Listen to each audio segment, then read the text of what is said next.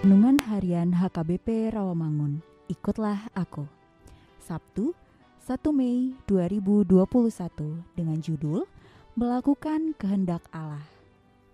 Bacaan kita pagi ini tertulis dalam Amos 9 ayat 7 sampai 15. Dan bacaan kita malam ini tertulis dalam Markus 4 ayat 30 sampai 32 dan kebenaran firman yang menjadi ayat renungan kita hari ini ialah Mazmur 40 ayat 9 yang berbunyi Aku suka melakukan kehendakmu ya Allahku, Tauratmu ada dalam dadaku.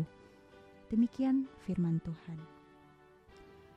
Mazmur ucapan syukur Daud ini menyatakan ungkapan hati Daud karena Tuhan telah menyelamatkan dia dari musuhnya.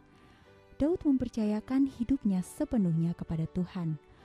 Ia menepati janjinya karena Daud hidup menurut jalan yang ditunjukkan Tuhan dan mengikuti segala ketetapan dan perintah Tuhan. Bagaimana dengan kita?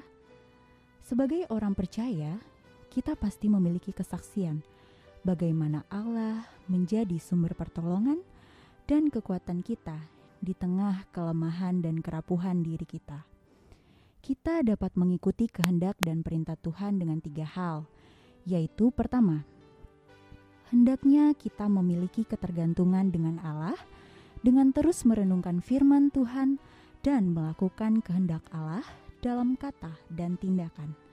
Kedua, hendaknya kita mengenal Tuhan dengan sebaik-baiknya dan taat dalam situasi dan kondisi apapun. Ketiga, hendaknya kita memiliki tekad dan komitmen melakukan kehendak Tuhan dengan sikap penuh sukacita.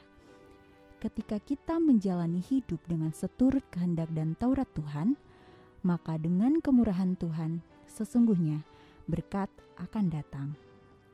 Kita akan mendapatkan apa yang kita cita-citakan, karena ketika kita setia kepada Tuhan, maka Ia juga setia mendampingi perjalanan hidup kita sebab kamu memerlukan ketekunan, supaya sesudah kamu melakukan kehendak Allah, kamu memperoleh apa yang dijanjikan itu.